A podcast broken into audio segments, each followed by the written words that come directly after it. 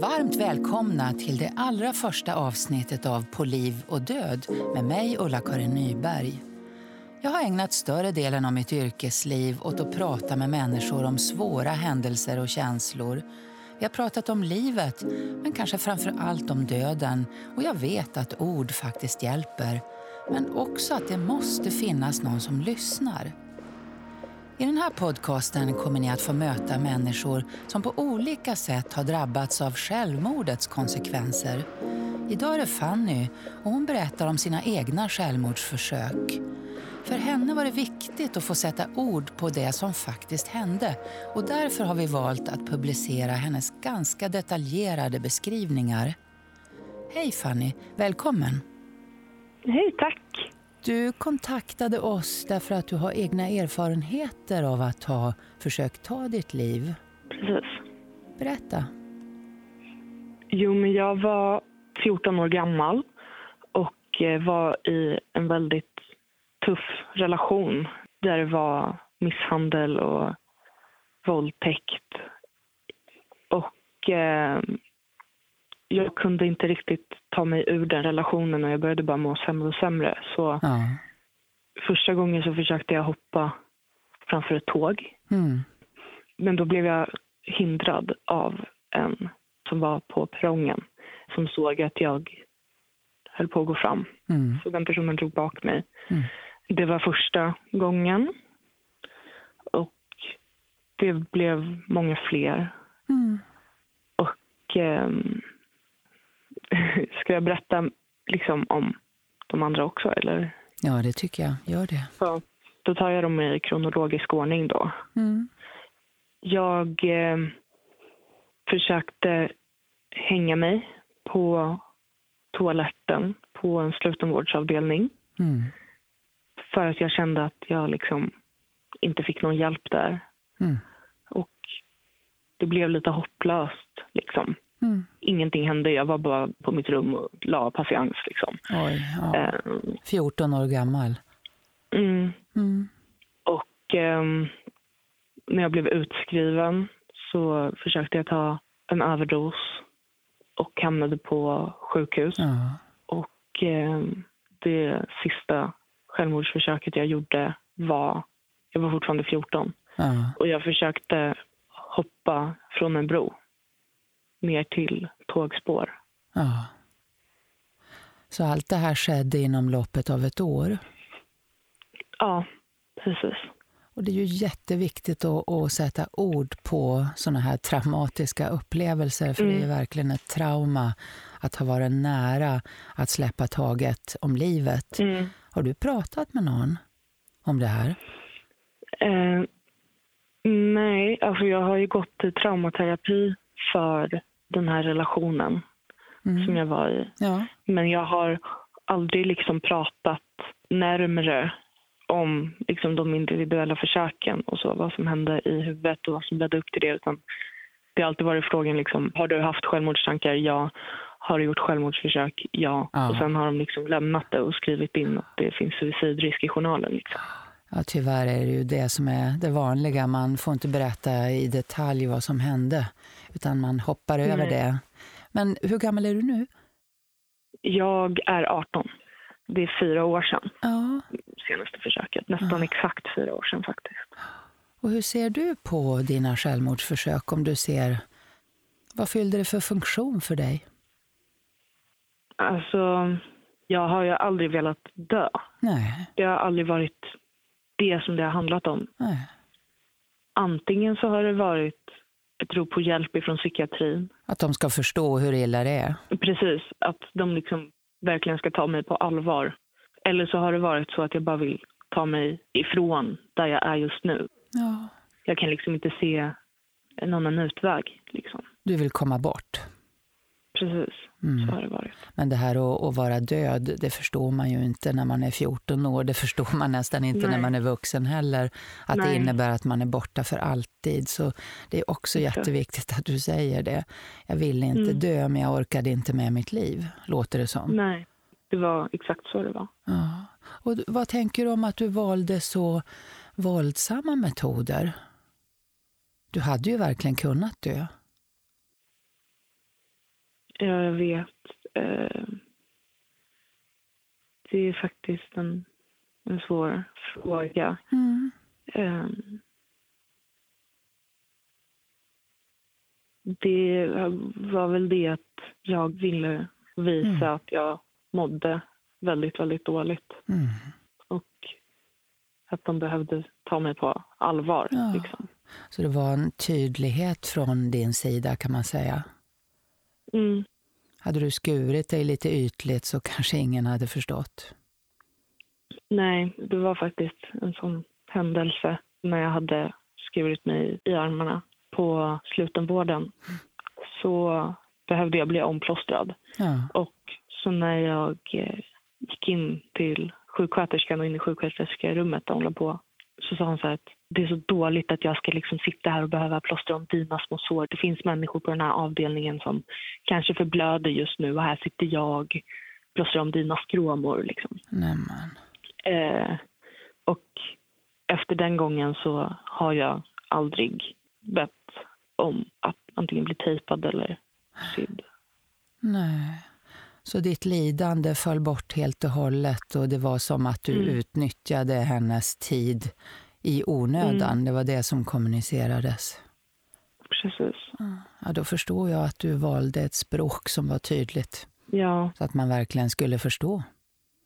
ja, och så var det också den här gången då jag försökte hänga mig på toaletten. Då hade jag haft självmordstankar innan Mm. och eh, jag var just då ensam i mitt rum Mm.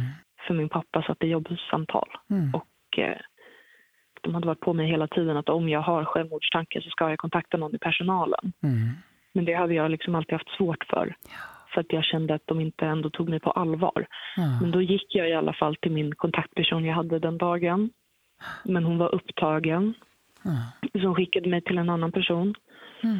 Och hon sa, ja men vad brukar du göra när du liksom har självmordstankar eller mår dåligt?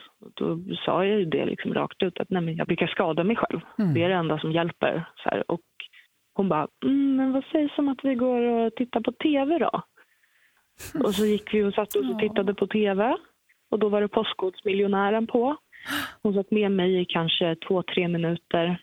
Och sen sa hon, känns det bättre nu? Jag måste gå och dela ut mediciner nu. Så jag lämnar dig ensam här.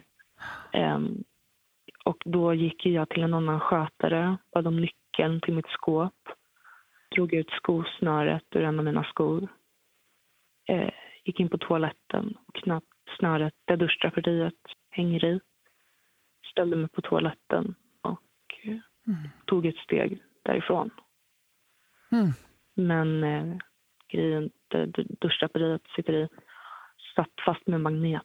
Mm. Så det blev bara en duns. Liksom. Mm. Ja. Men då kan man säga att det var som om du hade försökt prata svenska med någon som inte kan svenska. Det var en så stor kontaktlöshet eller kanske ovilja att förstå. För det är ju så man tolkar det när man mår dåligt, att det är ingen som vill förstå mig. Det är ingen som är beredd att anstränga sig det allra minsta.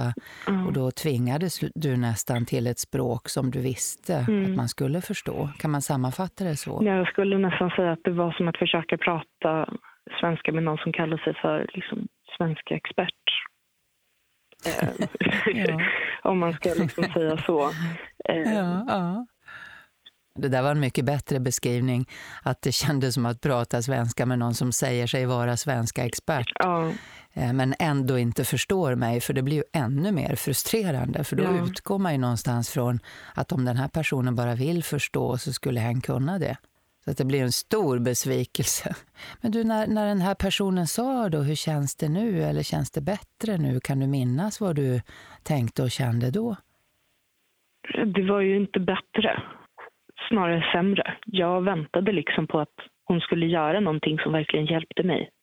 Och inte bara sitta med mig och titta på Postkodmiljonären. Vad hade du behövt om du ser tillbaka? Om du hade varit den här sjuksköterskan? Jag hade behövt någon som kunde prata med mig. Mm. Någon som kunde ställa frågor Mm. och försöka reda ut vad det var som gjorde att jag kände att jag ville ta mitt liv. Och det hade du kunnat svara på? Ja, och även om jag inte hade kunnat svara på det så hade jag behövt leta efter det. Ja. Och jag kände så att det är ni som ska hjälpa mig att hitta någonting annat sätt att ta hand om Mm. det här på än att skada mig själv. Det var, Ja, vi ska ju inte bara hantera och förhindra ett beteende utan vi ska ju hjälpa patienten att hitta alternativ och framför allt det här att bli begriplig för sig själv. mm, Varför blir det så här för mig? För det kan man ju nu prata om. Du riktade dina handlingar mot dig själv fast det var någon annan som hade betett sig illa och det här är ju så vanligt. mm. Hur ser du på det idag? Att du straffade dig själv? Jag tror mest att det handlade om att jag kände att jag behövde straffa mig själv. För att jag hade varit dum. Liksom. För att du hade varit dum? Ja, och det var liksom den här relationen som jag hade varit i. Så han hade liksom straffat mig hela tiden när jag hade gjort någonting som var fel. Och när han inte kunde straffa mig så behövde jag straffa mig. Liksom. Du kände dig dum ja, som hade gjort fel? ja, och det var ju liksom efter att jag hade försökt hänga mig på toaletten. Mm. Fanns skam med också? Ja, verkligen. Jag kommer ihåg liksom när min pappa kom in där.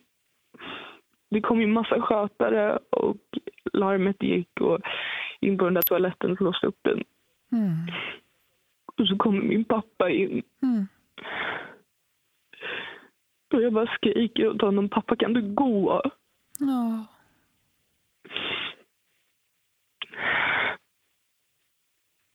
Usch. Och det var för att du skämdes och för att du ville skona honom på något sätt? Ja, jag kände liksom skuld över att liksom, ens barn mår så himla dåligt och har precis försökt liksom, ta sitt liv. Mm. Och så kommer man in där och försöker vara en bra förälder. Och så blir man bara bortstött. Så det var många motstridiga känslor? Ja.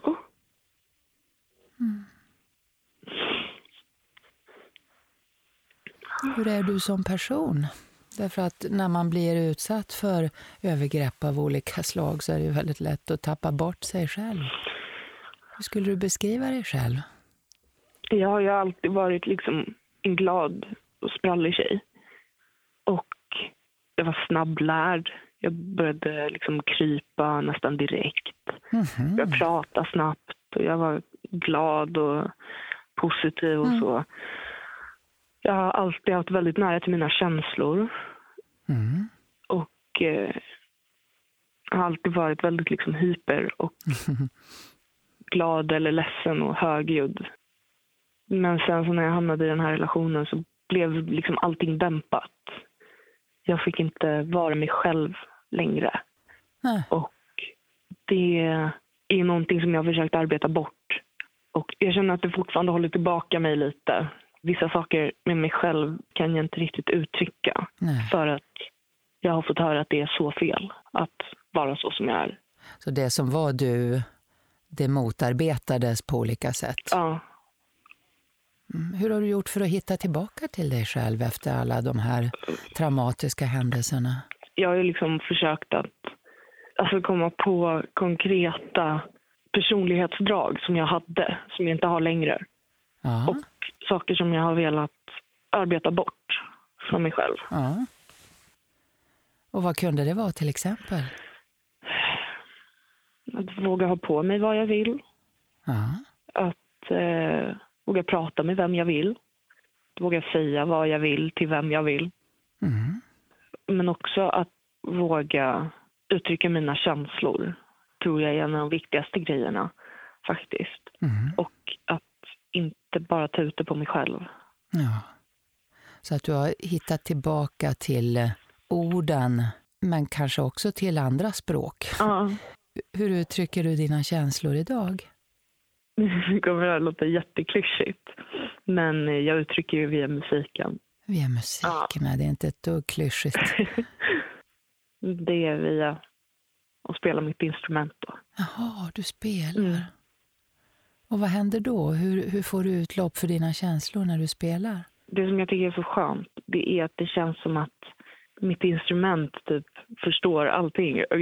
Det här låter så himla flummigt och liksom superklyschigt. Men det är som ett filter. Liksom. Ja. Och att det blir också det att inte alla människor förstår exakt vad det är jag känner.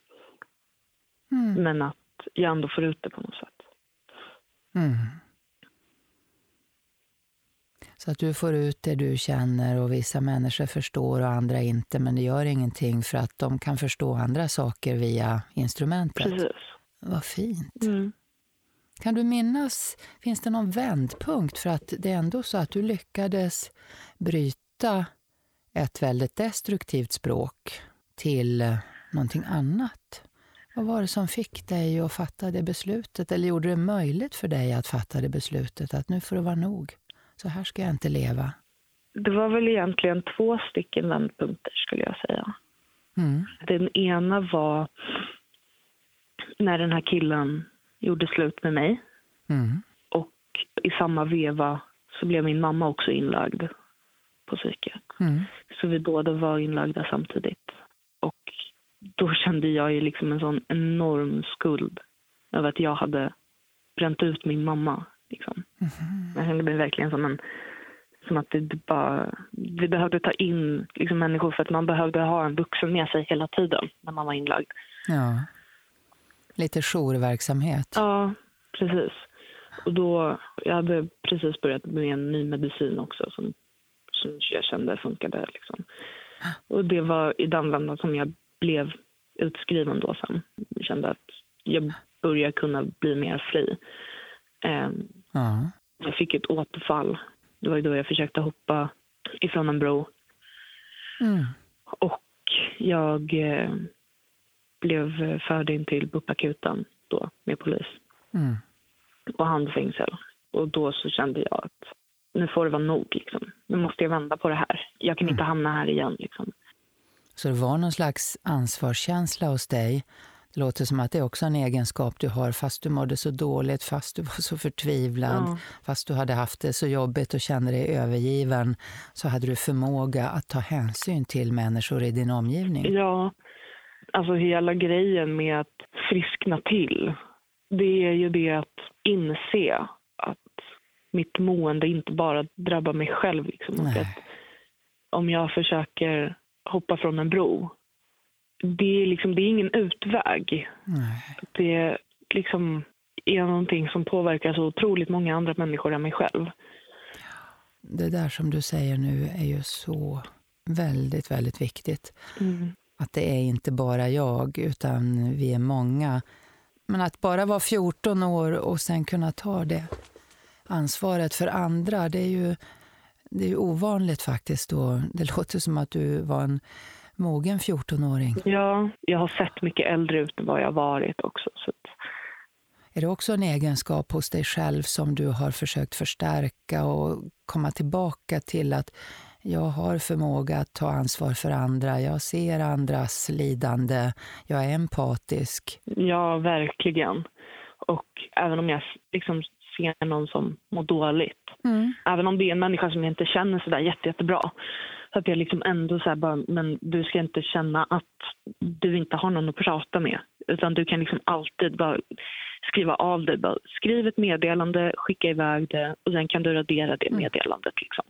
Bara så att man har fått det mm. ur sig. För det är liksom så viktigt. Oh.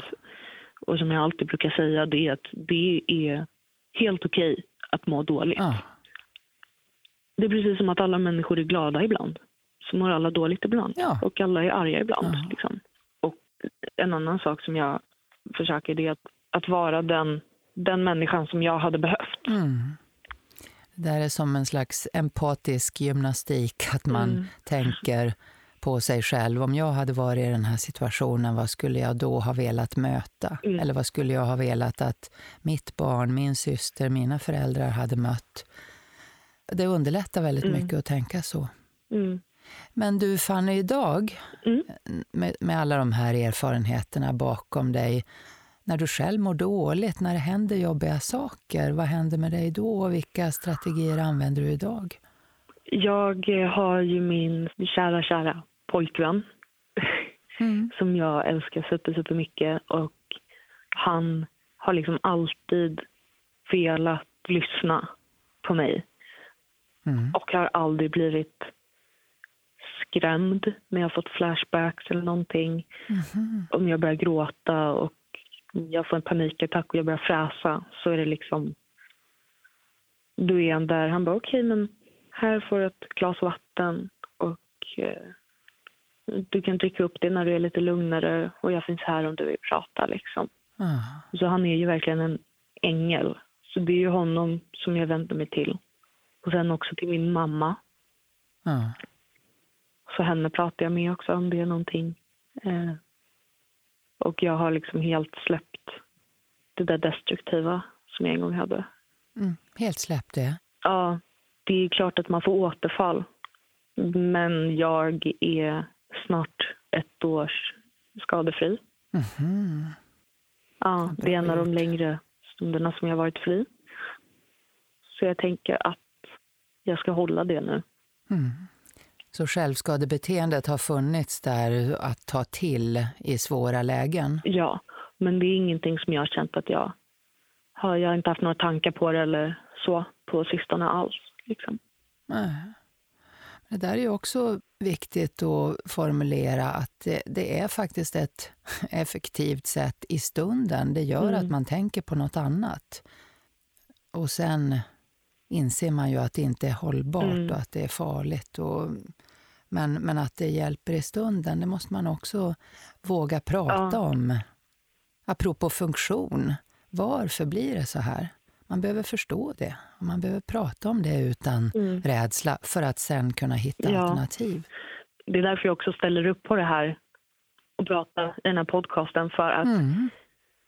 man måste släppa tabun kring självmord och självskadebeteende och liksom att må psykiskt Ja. dåligt. Men samtidigt måste man också släppa glorifieringen lite. Ja, För att det är inte kul att gå igenom det hela. nej, det är ett lidande som Precis. saknar motstycke egentligen. Man får, man, får ju liksom, man får ju inte vara rädd för att till exempel självskadebeteende det smittar ju av sig väldigt, väldigt lätt. Ja, det kan det göra. Och därför får man ju vara väldigt, väldigt försiktig med vilka ord man väljer när man pratar om det. Mm. Men det betyder inte att man ska vara tyst om det.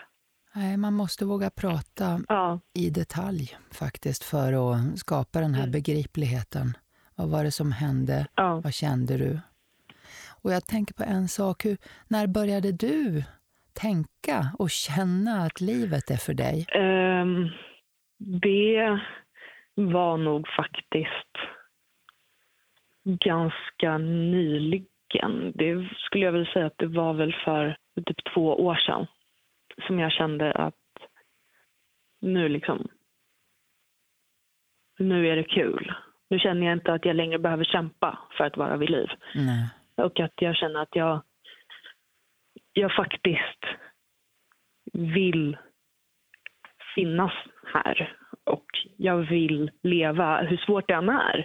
Det är verkligen ingenting att säga att det är lätt alla dagar. Verkligen inte. Nej. Men att jag ändå känner att jag, jag vill.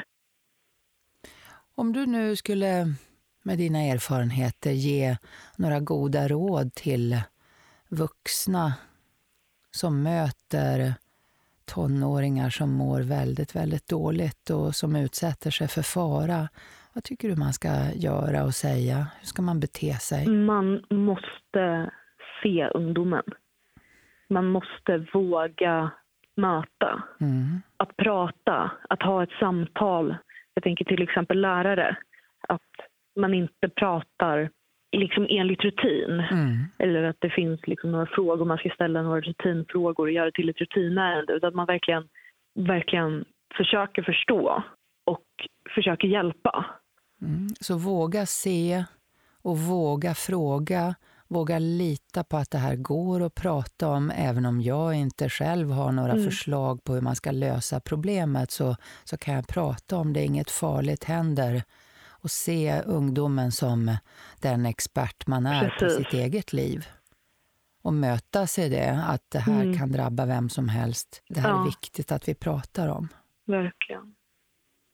Mm. Vad säger du till en ung människa som mår så dåligt som du gjorde? Då? Vad ska man tänka på? I mitt fall så kan jag ju säga att man ska försöka omge sig själv med människor som verkligen bryr sig om en. Mm. Och också våga prata med sina föräldrar. Jag vet att allas föräldrar är inte lika förstående mm. som min mamma har varit. Men samtidigt så tror jag att alla föräldrar gärna liksom vill veta om ens barn mår så pass dåligt. Ja. Hur rädd man än blir så är det bättre att veta än, än att mm. försöka gissa sig till vad som händer. För mm. det blir ofta Och att sämre. våga söka hjälp. Mm. Och att våga tro på sina instinkter och liksom veta att okej, okay, men nu mår jag jätte, jättedåligt och det här känns inte normalt. Det här känns mm. inte som en vanlig klump i magen för att jag kanske kommer få underkänt på matteprovet. Mm. Utan att det här är en klump i magen som inte försvinner vad mm. jag än gör. Mm. Lära känna sig själv helt enkelt, vad, vad som är normalt, vad som är onormalt för just mig. Och så ta ja. hänsyn till det och våga be om hjälp när ja, jag vet att, att det här är inte jag. Ja, och att även om de som man pratar med säger att nej men det, där är, det här är nog ingenting farligt. Att liksom ja. verkligen sätta ner foten och säga men jag tror att det är någonting fel. Ja. Jag vet att det är någonting fel. För så här ska det inte vara. Ja. Ingen annan kan definiera dig. Precis. Ja, Fanny, du har sagt så många kloka och viktiga saker. Jag är så mm. jätteglad att du valde att vara med i vår podd. Ja, jag är glad att jag fick vara med. Det känns viktigt.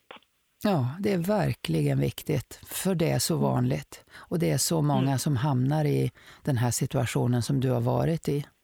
Mm. Så du har gett många bra och användbara råd, tycker jag. Mm. Och modigt att berätta. Ja.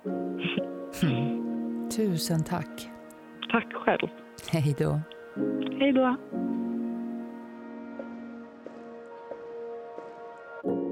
Du har hört första avsnittet av podcasten På liv och död där jag pratar med människor som levt nära självmord. Vill du vara med så mejla till den här krångliga adressen palivochdod mind.se eller skicka DM till Mind Sverige på Insta. Behöver du själv hjälp och stöd så finns Minds självmordslinje på 90 101 eller så kan du chatta via chatt.mind.se. På liv och död är en podcast från Mind. Producent är Siri Ambjörnsson på Klippan Produktion.